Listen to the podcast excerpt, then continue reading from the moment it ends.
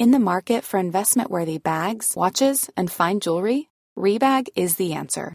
Rebag is a luxury resale platform where each piece is carefully inspected by experts to ensure quality and authenticity. Use Rebag to buy and sell finds from the world's top brands, including Louis Vuitton, Chanel, and Cartier. Head to Rebag.com and get up to 15% off your first purchase as a member with code REBAGNEW. Shop today at Rebag.com. That's R E B A G.com. And use promo code REBAGNEW for up to 15% off your first purchase as a member. Hey, I'm Ryan Reynolds. Recently, I asked Mint Mobile's legal team if big wireless companies are allowed to raise prices due to inflation. They said yes. And then when I asked if raising prices technically violates those onerous two year contracts, they said, What the f are you talking about, you insane Hollywood ass? F- So to recap, we're cutting the price of Mint Unlimited from $30 a month to just $15 a month. Give it a try at mintmobile.com slash switch. $45 upfront for three months plus taxes and fees. Promo rate for new customers for limited time. Unlimited more than 40 gigabytes per month. Slows. Full terms at mintmobile.com. Wow. Nice. Yeah. What you're hearing are the sounds of people everywhere putting on Bombas socks, underwear, and t-shirts made from absurdly soft materials that feel like plush clouds. Yeah, that plush. And the best part? For every item you purchase, Bombas donates another to someone facing homelessness. Bombas. Big comfort for everyone. Go to bombas.com slash ACAST and use code ACAST for 20% off your first purchase. That's bombas.com slash ACAST. Code ACAST.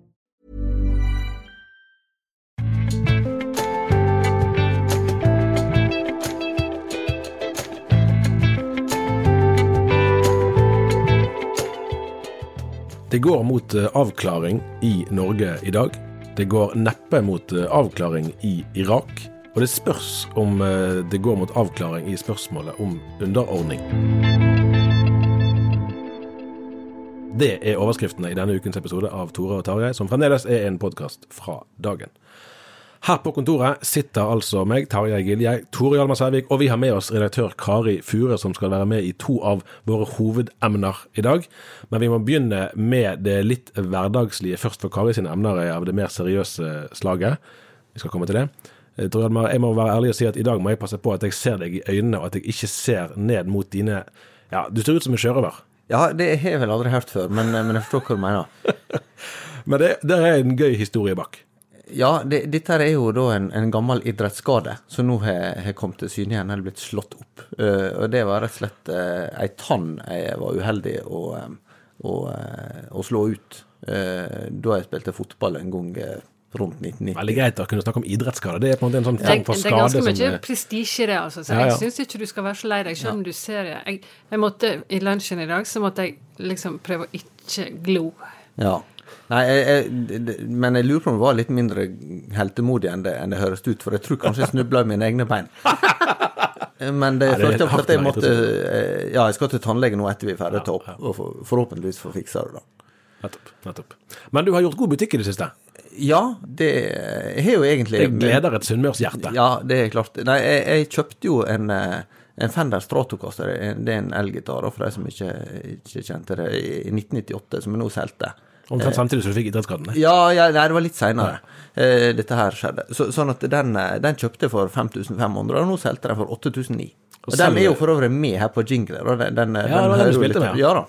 Akkurat. Ja. Så nå kan, den, eh, nå kan den havne i hendene på noen som kan skryte av det. At, Eh, ja, ja den, den kan en altså høre på Tore og Tarjei hvis den, hvis den ønsker det. hvis du ønsker å drikke det Ja. Sånn det. men du har jo også du har hatt uforutsette utgifter i det siste. Ja, altså jeg tenkte jeg skulle være Jeg er ganske dårlig med mekanikk og, sånn her, eh, men jeg prøver å lære. eh, Og så skulle jeg prøve å fikse eh, bremsene på sykkelen min. Så jeg skulle kjøpe sånne her bremseklosser til skivebremsene og, og ordne det sjøl. Og jeg syns egentlig at det gikk Hadde vært på YouTube da og sett noen sånne ekspertvideoer. Tenkte at dette for første gang i mitt liv skulle jeg si til kona dette gikk jo utrolig bra, faktisk. Men eh, det gjorde ikke det. Du Det gikk bra skulle spare tid og penger og tapte begge deler. Helt riktig. Jeg, tar, jeg, tar, jeg sparte ikke tid, og, og det ble mye dyrere enn jeg hadde tenkt. Men er du, du er jo blitt en klokere mann, tror ikke du det? Ja, altså jeg er jo kanskje blitt klokere på den måten at, eh, at eh, neste gang jeg lurer på skal jeg gjøre det sjøl, eller skal jeg gå på verksted, gå på verksted. Og Det er jo en slags lærdom, det, men det var jo ikke den man ville ha. Men jeg spurte han karen i sykkelbutikken, da, og han gikk på verksted sjøl. Jeg husker, jeg husker vi skulle å, å skifte, skifte lyspærer på bilen min før meg for mange år siden. Det var jo sånn som man gjorde sjøl før i tiden. Men her var det jo to elektrikere, to mekanikere, som brukte et kvarter på å finne vei ned i den der eh, Så dette er jo noe av elektrifiseringens side òg, at man skal eh, det, kre, det, det kreves eksperter for å gjøre mer enn før. Menn har simpelthen færre sjanser til å imponere sine koner. ja og, og andre. Og, og de har helt eh, større risiko for svekket selvtillit. Men det er ikke bra. Men det, det, det får vi håndtere, tror jeg, en annen gang. Eh, Vi snakket så vidt om det før sending, at, eh, at vi skal ikke belyse det emnet nå i noe sånn i, i bredde eller dybde i dag. Men eh, vi snakket jo om pride for et par uker siden. Eh, og kanskje kan vi si nå, Tor Hjalmar, at eh, et lite sånn trekk i år er at det er mer eh, kritisk debatt om hva, det, hva pride er for noe, enn de siste par årene. Ja, det, det har vel vært tilbakevendende at det har vært en del debatt, men jeg tror kanskje at den er- den har ikke fått mindre oppmerksomhet. Eh, delvis er jo det knytt til at eh, en i Oslo arrangerer mini-pride, som er spesifikt retta mot eh, barna, involverer Fantorangen og, og sånn. Eh, men eh, eh, det har jo også vært en sak på NRK nå som fikk en del oppmerksomhet, med, med en far som fortalte om eh, sin åtteåring som skulle ha levert inn en eh, lapp, eh, i likhet med andre i sin tredje klasse, der de svarte på hva kjønn de følte seg som. Eh, og det er jo kanskje en eh, eh, Der er det vel et stykke avstand kanskje mellom eh, det som, det som f.eks. Foreningen FRI, og for så vidt eh, ganske mye avspeila i norsk lovgivning etter hvert, med, med en mer sånn eh, subjektiv forståelse av kjønn eh, og kjønnsidentitet, og det folk flest eh, i praksis eh, tenker, tror jeg. Ja. Eh, og, det gjør at det, oppstår noen slags friksjon. Eh, og så kan, er det av og til vanskelig å vite hva er eh, enkeltstemmer som, som ikke er så representative, og hva er en mer folkelig reaksjon. Vi snakket jo om det sist gang, at, altså, når at når vi var innom denne tematikken, at, eh, at det vi forventet, og i hvert fall det jeg forventet i år, var, var egentlig bare at, at måtte, eh, konformitetstrykket i retning av å ville ta del i eh, denne feiringen kom til å bli sterkere enn noen gang. Eh, Og det opplever jeg jo skjer, eh, men så har det samtidig òg vært både i Politisk kvarter på NRK og i Dagsnytt 18 nå i, i går, tror jeg det var, eller foregås, i dag er det torsdag, eh, en debatt om, om eh, mer problematiske sider, eh, som ikke da er kristne predikanter, som, selv om han ene her var jo òg pastor, men han var jo òg lærer i barneskolen sjøl. Og først og fremst var han jo der som, som eh, småbarnsfar. Ok, uh, Kari, vi skal vende blikket utover, vi skal til Irak. Og der Det er jo ikke sånn at, uh, at når man eh, leser om Irak i nyhetene, så er det fordi at det går fantastisk bra i det landet. Det er jo ofte at det er alvorlige og sørgelige ting. Men det finnes òg lyspunkter. Det finnes jo utrolig masse lyspunkt, og det er jo stort sett, eller ofte, så kommer det til uttrykk gjennom folk du møter, da, men også ting som skjer. For det som eh, jeg har lært ved å reise gjentatte ganger til Irak og andre plasser i Midtøsten, er jo at du må være utrolig fleksibel og ta ting på strak arm og eh, tilpasse deg det som skjer.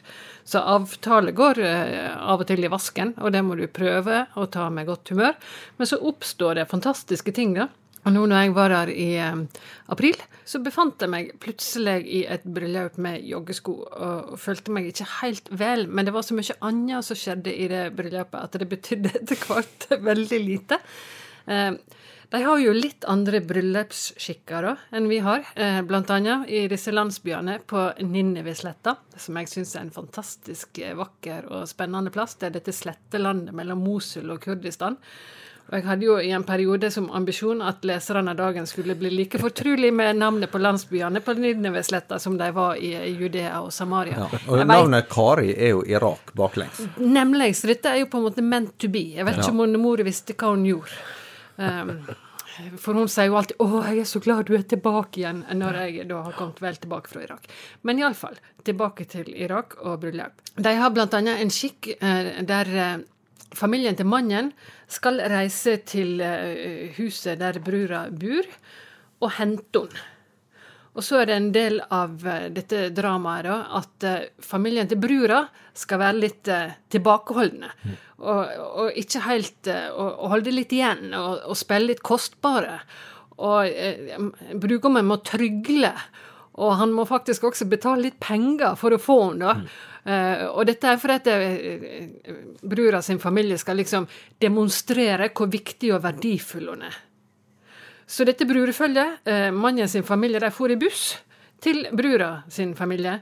Eh, det som også skjedde, var at eh, etter ukevis med tørke, så brøt det løst et aldeles forrykende tordenvær med regn. Sånn styrtregn. Sånn skikkelig sånn eh, hakket før syndeflod.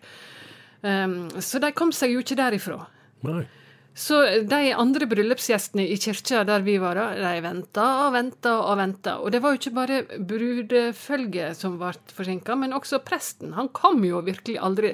Så etter hvert så kom jo brura, men presten var jo forsinka på en annen kant. Og så kom jo etter hvert både den ene og den andre. Men uh, uværet det fortsetter, og så begynte lyset å gå. Så hver gang de liksom prøvde å få i gang denne seremonien, så gikk lyset. Igjen og igjen og igjen. Men til slutt så ble de gift. Har de orgel der? Eh, Det var veldig smått med orgelmusikk. Det var det. Var det instrumenter, da, eller var det sang? Nei, det var ikke det. Ikke som eh, jeg kan fornemme. Men eh, de er jo veldig flinke til å pynte seg, da. Mm. Så det å stille med eh, joggesko i en sånn forsamling, du føler deg jo fullstendig eh, ligger i bortvekk. det, da. De eh, irakiske kvinner er veldig feminine og elegante. Ja, for du har jo skrevet om det før, det er sånn møte med frisører og sånn. på Jepp, dine- ja. Eh, Noe av utgangspunktet her er jo at du har, du har reist til Irak jevnlig. I hvor mange år er det? Første gang jeg var der, det var i desember i 2014. Det var rett det var samme år som IS hadde angrepet Mosul og disse landsbyene på Ninevesletta og Sinjar, der de hadde Ja. angrepet Og og dette, Du har jo skrevet flere bøker eh, fra, om, om livet i området, og du har jo særlig vært opptatt av eh, livet for de kristne eh, der. Eh, og, og jeg leste eh, Det gjorde sterkt inntrykk å se noe, det har jeg visst det egentlig, men å se noe bare det som, du, som ble publisert i en av sakene dine forrige uke, vel, eh, at, eh, at antallet kristne i Irak fra 2003, altså fra invasjonen, som vi husker, som USA sto i spissen for, 1,2 millioner kristne den gangen. Eh, Og dette er jo av de eldste kristne befolkningene i verden. Nå 166 000, altså nesten 90% reduksjon. Ja. ja, det er noe eh, grunnen til at dette griper meg så sterkt. Det er jo ikke mangel på tragedier i verden. Men dette her, altså litt sånn klisjéaktig sagt, da, så er dette den regionen i verden der kristendommens vugge sto. Altså, Det er ikke bare deres røtter, det er også våre røtter som blir kutta av. Og hva gjør det med den verdensvide kirka når, når de kristne forsvinner fra den regionen? Det tror ikke vi helt skjønner. Eh, hvis dette her blir ødelagt, og de, de med den historien og de fortellingene der forsvinner. Hva er det du sjøl tenker at du har lært mest av gjennom møtene med menneskene der? Det er det som går opp for meg mer og mer, er jo de langsiktige konsekvensene av forfølgelse. At det handler ikke bare om når IS angriper Mosul i, i juni i 2014, og folk flykter. Og det er ikke over idet de kan flytte tilbake to og et halvt, tre år seinere. Det er ikke sånn at problemet er løst. Det er ikke eh, problemet er ikke løst nå heller, åtte år Nei, det er kanskje stille, vi snakket om i sted det er kanskje stille før en ny storm. Ja, det kan jo være. For nå er det ikke det eh, IS som truer, men, men- hvem vet hva som kommer i neste Men eh, altså, næringslivet eksempel falt sammen. Eh, de har ikke jobb nå når de flytter tilbake. Butikkene der eh, ble ødelagt. Folk har funnet andre plasser å handle. Bare en sånn ting. eh, evnen til å forsørge seg. Og så er det denne følelsen av å være eh, fremmed i sitt eget land. At du ikke ønsker egentlig. Og det sitter veldig dypt i dem. Og jeg har jo også snakket med eh, kristne irakere i, både som flyktninger i Libanon, men også i Norge og Sverige. Og felles for alle irakerne, det er helt fascinerende. De har virkelig bare lukka døra til sitt eget heimland.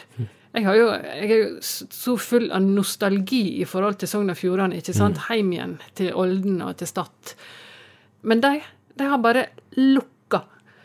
Eh, Jeg snakka med ei i Oslo, eh, kristen irakisk dame, og jeg spør eh, hva følelser har du for, eh, for Irak nå? Jeg har ikke noen følelser for Irak, sa hun. Det er som ei bok jeg har lest ferdig, og sett tilbake i bokhylla. Jeg er ferdig med Irak. Men hvordan ser de da på framtida? For det å flytte til f.eks. Norge eller Sverige er jo ikke bare kulturelt svært annerledes, men det er jo ikke minst også med tanke på hvis en ser fra et kristent perspektiv, så er det ikke bare du mister det, det, fellesskapet du har vært en del av der, men, men du flytter til et samfunn som er veldig annerledes og veldig mye mer sekularisert.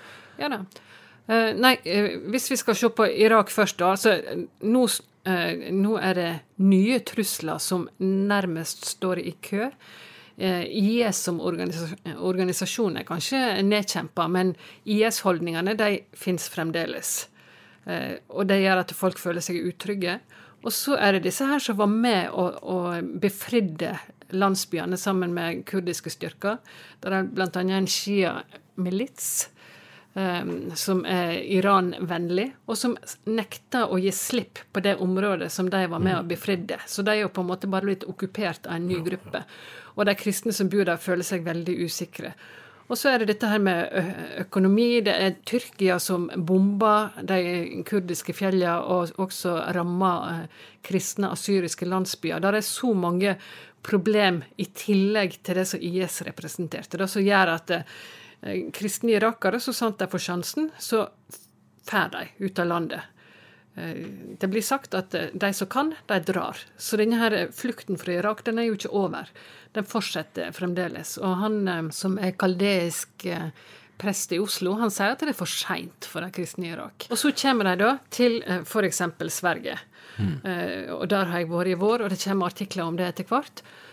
Og de sier at når vi kom til Sverige, så var det en sånn utrolig sånn berusende frihetsfølelse. For der, der fikk de lov til alt som de ikke hadde fått lov til hjemme. De kunne bruke symbolene sine, de kunne ha festene sine, de kunne feire høgtidene. Um, så det ble en veldig sånn oppblomstring.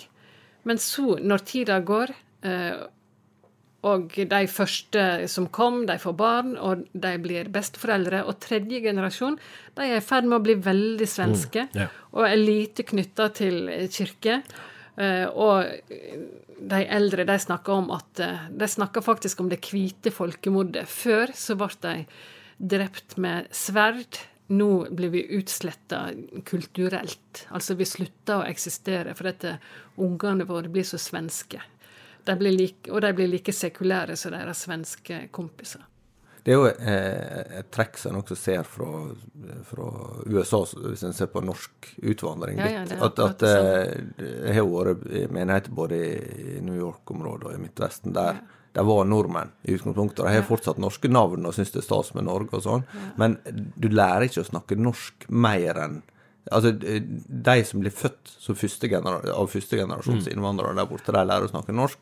Neste generasjon de, de kan kanskje brunost og lefse og litt sånn, men, men altså, de, de, er nordmenn. Det er jo litt sånn som vårt eget forhold til forgjengere. Sånn altså, Besteforeldrene våre kjenner vi, men oldeforeldrene våre de, de vet vi i beste fall kanskje bare så vidt om. Ja. Og så, og så bakover. Dess flere generasjoner så går, dess fjernere blir det. Ja. Altså, jeg skjønner disse her eh, kirkelederne i Irak da, som innstendig oppfordrer folket sitt til å bli. Eh, fordi at de føler ansvar for kirkesamfunnet. Men så er det jo eh, andre som sier at jeg har ikke samvittighet til å be folk bli værende, fordi at problemene er så mange. Du kan ikke kreve av folk at de skal leve opp i dette her. Ja. Nei, dette her er jo sånne endringer som, som skjer over veldig lang tid, og som, som uh, får veldig dype og langvarige eh, konsekvenser. Det er jo en, kan, altså i, del, I noen deler av verden hører man jo i dag at kristendommen blir fremstilt som en litt sånn vestlig, uh, en vestlig oppfinnelse, en vestlig religion. Det historiske realiteten er jo at i disse delene av verden er det jo kristendommen har sin vugge, og vi vet jo at i f.eks. i Nord-Afrika så var jo det et, et sterkt kristent område i de første århundrene mm. av kirkens historie, men så, så, sånn er det ikke lenger. Nei. Eh, og det er jo det som, som, eh, på en måte har skjedd her, og som er i ferd med å skje enda mer. Ok, det var, det var dagens eh, internasjonale perspektiv. Vi var jo innom i en forholdsvis nylig episode òg at ja, nå må vi vel kunne si at det foregår åpen maktkamp i Norge i dag, uten at det er noen overdrivelser, uten at det er liksom vi som sette ting på spissen. Eh, og vi skal ikke drive og dvele uforholdsmessig ved det her heller. Men disse to avisene har jo eh, altså 100% egentlig felles eh, historie. Selv om altså, ja, Norge i dag har eksistert siden 1999 som en kristen ukeavis. Eh, Finn Sele, som har vært sjefredaktør frem til nå, han var jo sjefredaktør i dagen før det. Nå skal de ha generalforsamling 29.6, er. Det skulle egentlig være nå den 18. Og der, eh, der eh, kommer det vel formodentlig en avklaring eh, knyttet til sjefredaktørspørsmålet i siste instans, men det er jo ikke det nødvendigvis generalforsamlingen skal direkte ta stilling til. Tor Hjalmar skal få slippe å snakke om så mye om dette. Som vi sa sist gang, så, så er han privat venn med Bjarte Ystebø, som er en av stridens hovedaktører. Kari, du og meg har jo så vidt jobbet for Finale Sele her i dagen, eh, Ja da, selv om det er lenge siden nå. Jeg begynte i oktober i 98, eh, og da var han fremdeles eh, sjefsredaktør. Men han var ikke der så lenge, da, og det var ikke så, egentlig så mye vi så til han heller. Så den gangen, så selv om jeg da var i avisa, så så fikk ikke jeg med meg så veldig mye av selve konflikten. Mm. De var nok mer prega det som hadde vært der lenger, ja. Ja. Nei, for det er jo riktig det at det var jo, det var jo eh, betydelige eh, konflikter i hele, hele den tiden eh, han var Det hadde jo vært lenge. Ja, egentlig 14 år. Det som i hvert fall har skjedd nå helt i det siste, var at på mandag denne uken, så på kvelden der, så kom det jo et leserbrev fra ti da, ansatte. Så var det litt uklarhet om en av de egentlig ville være med på det, men han hadde visst svart ja til å være med på det først. Eh, Et leserbrev som ble publisert på Norge Dags egne nettsider og hos eh, oss. Det ble raskt eh, i løpet av tre kvarter, tror jeg. Så ble det avpublisert igjen fra nettsidene deres. og det var jo i og for seg altså, Dette var jo et leserbrev der en del ansatte henvendte seg til avisens aksjonærer og ba de om ikke gjennomføre denne emisjonen som er planlagt. Og det, det er vel Isolert sett må vel det kunne sies å være noe av det nærmeste vi har vært et, et avismytteri.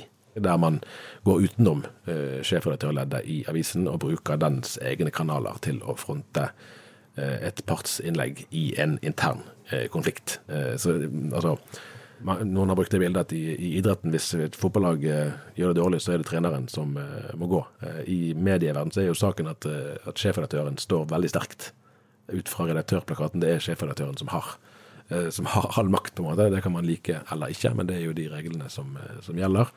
Eh, Her, her var det jo en, en, en spesiell måte å håndtere det på. Men man kan jo fint, det går fint an å forstå eh, rasjonalet til de som skrev dette. De forklarte jo åpent at flere av de har jo vært med helt siden 1999, siden oppstarten.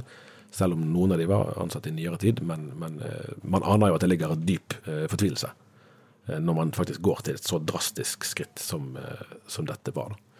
Mange journalister i eh, den kristne pressen er jo verdidrevne, ikke sant. Vi, vi føler at det er veldig viktig det vi gjør på, og vi mener veldig sterkt om en del ting. Um, og dermed blir det veldig personlig. altså Arbeidsforholdet blir veldig personlig. Og det gjør veldig inntrykk på meg å, å se de veldig sterke karakteristikkene, da. Um, så jeg, en må jo bare håpe at de klarer å lande dette. Men det virker jo kanskje mindre og mindre sannsynlig når, det er, når konflikten framstår så hard. Ja, ja, ja, for nå publiserte jo eh, Finiale Sele på Facebook eh, nå tidligere i uken en, en kort, men veldig egentlig sterk video der du, du ser på ansiktet hans. Han henvender seg jo ja, til sine venner, da, men, men med en ganske skarp kritikk av Og der sier han jo navnet til Bjarte Ystebø. I den lederartikkelen i forrige uke så sto det vel bare en navngitt medarbeider. Nei, det er en ikke, en, en ikke medarbeider i avisen. Nå, nå er det ingen tvil om, om eh, hvem, eh, hvem det er. Eh, Og så har vi et intervju nå, som vi publiserte nå i formiddag, var det vel, med, med Bjarte Ystebø, der han for første gang snakka litt ordentlig om om hvordan det har gått. Eh, Og man kan jo nesten se på bildene at dette er òg en, en preget mann som har fått Han eh, framstår jo mer forsonlig der, da. Eh, Han ønsker jo å fortsette å samarbeide med dem, sier han. At Sele går så hardt ut mot sin assisterende redaktør, eh, det er veldig spesielt. Ja, og det er, jo, det er jo eiendommelig på den måten at begge parter sier vel at dette er en konflikt vi ikke ønsker. Og begge parter, når det gjelder den, selve denne aksjeutvidelsen, altså den emisjonen, eh, så sier vel egentlig begge parter at problemet er at den andre prøver å tilta seg eh, nærmest all makt. Eh, og anklagene går altså begge veier om det samme. Eh, Sånn at eh, Ja, det, skal, det skal eh, igjen bli spennende å se hva generalforsamlingen der eh, kommer frem til, og hva som skjer etter det. For her, det er jo et faktum at Finiale Sele er 75 år, så han risikerer jo å tape, selv om han vinner. For hvis han mister Bjarte Ystebø eh, i Norge i dag, så er jo det, det er et, eh, et stort for den avisen. Eh, hvis det er det eh, konflikten fører til. Men det virker jo som at Ystebø, i hvert fall ut fra intervjuet, at han er rimelig trygg på at eh, det er han som eh, vil få mest støtte på generalforsamlingen, og da eh, kan det være motsatt vei. Saken er jo at det er nesten ingen som har kommet med offentlig støtte til Sele. Eh, Så han risikerer jo at det blir en veldig veldig trist avslutning på, på liksom denne delen av hans livsverk. Hvis hans egne òg da eh, er de som eh, vender han ryggen når det kommer til, eh, til stykket.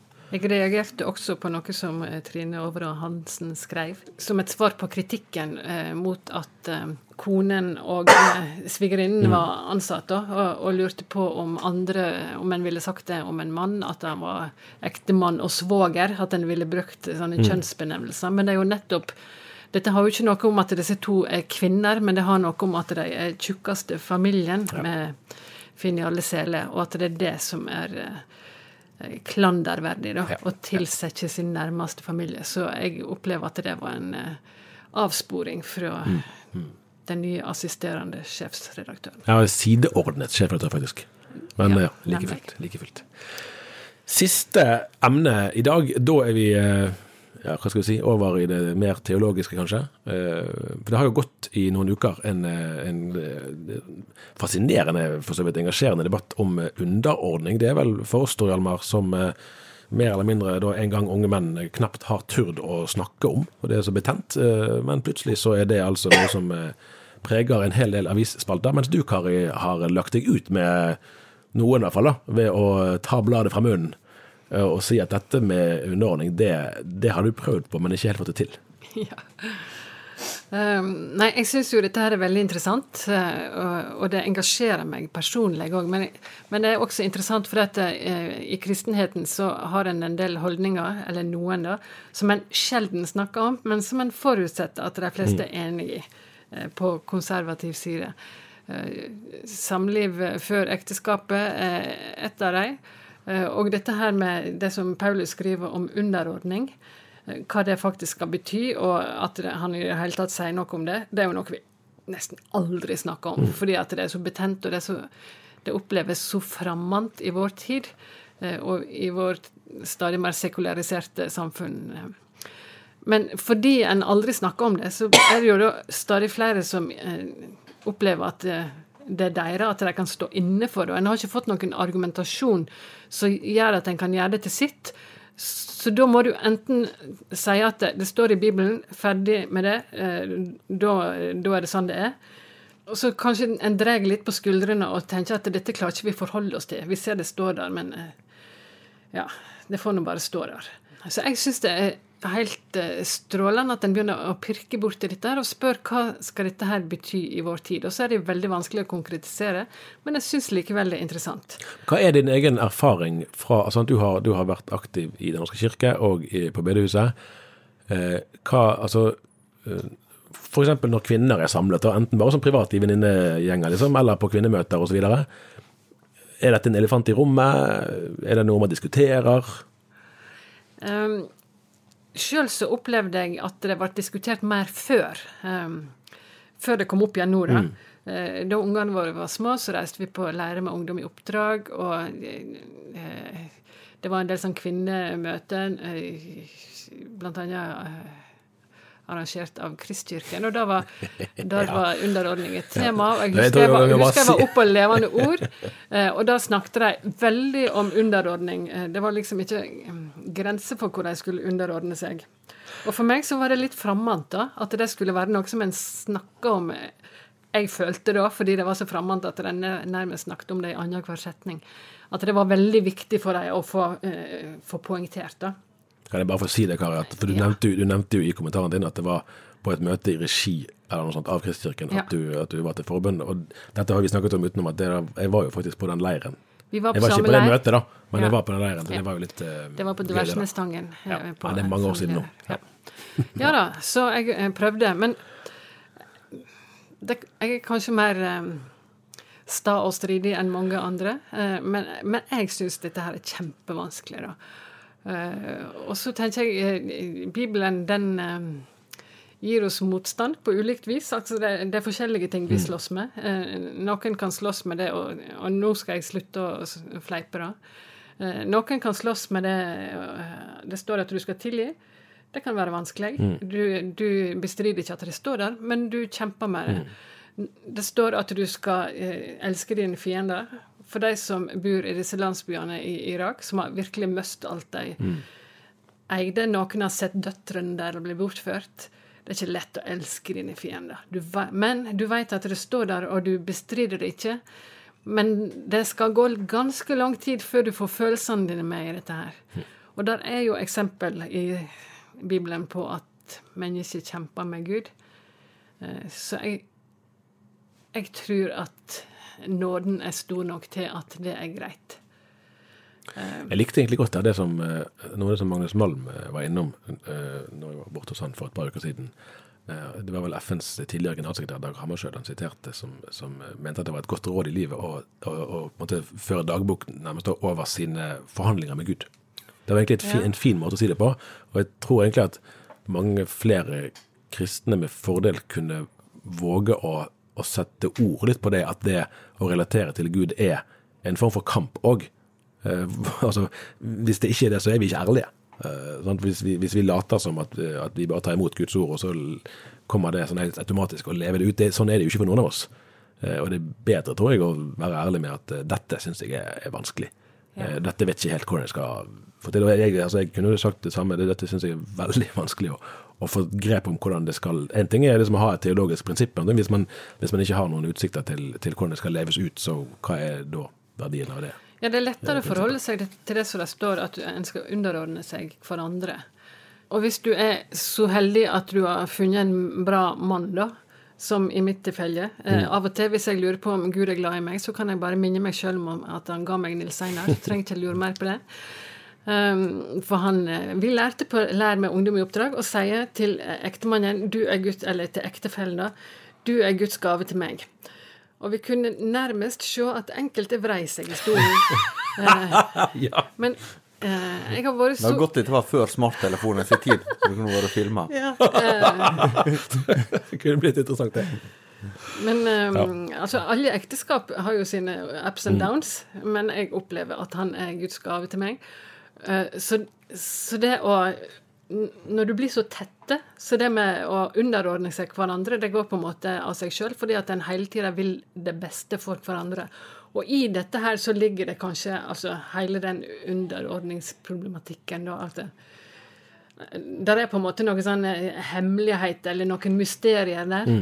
Eh, og, og kanskje jeg er mer underordna enn jeg ve- veier om sjøl. Det, det, det blir jo gjerne understreket at det, der står jo ingenting om mannlig overordning. Mm. Det står ja, tvert imot at, at eh, mannen skal, skal gi sitt liv for eh, kona som Kristus ga sitt liv for menigheten. Så at det, det er jo litt sånn eh, Da eh, kan en ikke liksom påberope seg å ha noen slags blankofullmakt og bestemme Og vet du hva, Noe av det beste jeg syns har vært framme i den debatten, det var faktisk en som ikke ville svare på spørsmål.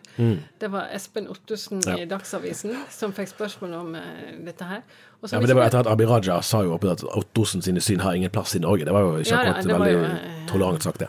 Det tror jeg er første gangen Espen Ottosen har, har svart til noen journalisten. Jeg tror to-tre ganger journalisten ber han utdype hva er det du mener, og så bare sier han at dette, denne samtalen går ikke an å ha i offentligheten. Dette, Men han sa også at han som mann ikke ville uttale seg om det. Det òg. Ja. Fordi at uh, dette her ordet om å underordne seg er gitt til kvinnen. Ja. Så det er på en måte hennes initiativ. Og jeg likte det, at han ikke ville uttale seg om det. Ja. Nei, og det er jo For, for noe av det som uh, Og da kommer du fram til uh, bunnen, eller grunnen til mitt eh, min stridighet Mm. og gjenstridighet. Det er jo eh, konsekvensene av dette, hvordan det blir tolka. Fordi at det, det fins nok av eksempel på at, det, at menn har krevd at kvinner skal Mm. underordne seg. At noe av det det har ført til, eh, er at en har definert kvinners eh, rolle og mulighet og liv for trangt. Og det tror ikke jeg var meninga. Eh, helt sånn ytterste karikerte, nærmest. Konsekvens er jo Jeg gjorde noen intervju med jeg tror det var fra NMS, der eh, de hadde eksempel fra Afrika, der kristne menn fikk utlevert en sånn eh, kjepp når de giftet seg, for at de kunne disiplinere sine koner. Og det er jo, det er jo dette her eh, eh, disse skriftordene det baserer seg på, men en helt forvridd tolkning av det. Ja, for det er jo, det er jo, det er jo rent sånn, rent sånn eh, altså, eh, ja, I det teologiske landskapet nå sånn, så det jo, er det jo flere og flere og kristne som vil kalle seg bibeltro, som rett og slett ikke, ikke tenker på denne måten. altså At dette er eh, en, en direkte forståelse som skal ha noen betydning for, for kristne ektepar eh, sine liv eh, i dag. Men òg blant de som gjør det, så er det jo viktig å skille mellom nettopp det som altså en sånn hierarkiordning, der mannen liksom skal være overhodet, som skal i kraft av sin mannlighet dominere og styre og bestemme, og denne Altså, eh, hustavle heter jo i Luthers eh, terminologi eh, at, at ektefellene får hver sitt ansvar, og det er, det er ikke mannen sitt ansvar å overordne seg. At Det er tross alt ikke det samme som jeg tror kanskje at Abid Raja har som referanse når han uttaler seg mot Espen Ottosen, at det er faktisk han kritiserer Ottosen for å stå for noe annet enn det Ottosen står for. Og Så kan man jo velge om man er enig eller uenig med han, men, men likevel at her, det er jo et, et, noe av det som gjør at denne samtalen er vanskelig å ha. Ja. eh. Nei, eh, å dra inn eh, det eksempelet fra Afrika, det kan oppleves søkt. Det kan gå skikkelig galt hvis dette her eh, blir tolka altfor snevert og altfor strengt. Ja. Og i et sånn maktperspektiv, nærmest. Mitt poeng er at Paulus sa det han sa. Det må vi forholde oss til. Eh, Men jeg leter etter nøkler til å forstå, eh, og eh, jeg syns det er kjempevanskelig. Jeg slåss med det. Og, og så syns jeg det er interessant å diskutere hva betyr det, og hva betyr det ikke. Og hva konsekvenser har det fått? Har det, betydd, har det fått den konsekvensen at kvinner har fått et trangere liv fordi det er blitt tolka for strengt? Det syns jeg er interessant å snakke om. Ja, helt klart. helt klart. Og, da, og det er en ting som jeg vil si som er, er bra med eh, debatten, uavhengig av i og for seg standpunkt, det er jo at, eh, at dette hjelper oss til å snakke om hvordan vi lever livene våre. Det er så lett for at teologisk debatt blir en sånn abstrakt greie som eh, egentlig berører spørsmål som er langt unna hverdagen, mens det å være kristen, det å følge Jesus, skulle jo virkelig være noe som omfatter alle deler av livet vårt. Og helt klart dette her òg. Og da eh, er denne samtalen en hjelp til å, til å komme tettere på det, og det vil jeg si er et eh, gode. Da fikk jeg æren av å si siste ordet sjøl denne gangen. Vi takker for oss, og eh, jeg tror jeg kan love at vi er tilbake neste uke. Ha det bra.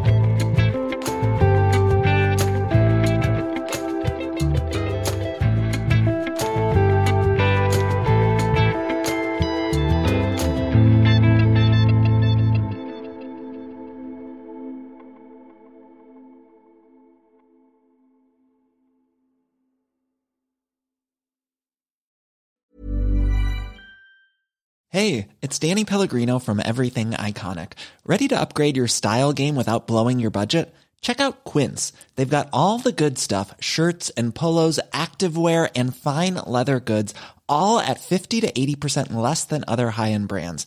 And the best part? They're all about safe, ethical, and responsible manufacturing. Get that luxury vibe without the luxury price tag. Hit up quince.com slash upgrade for free shipping and 365 day returns on your next order. That's quince.com slash upgrade.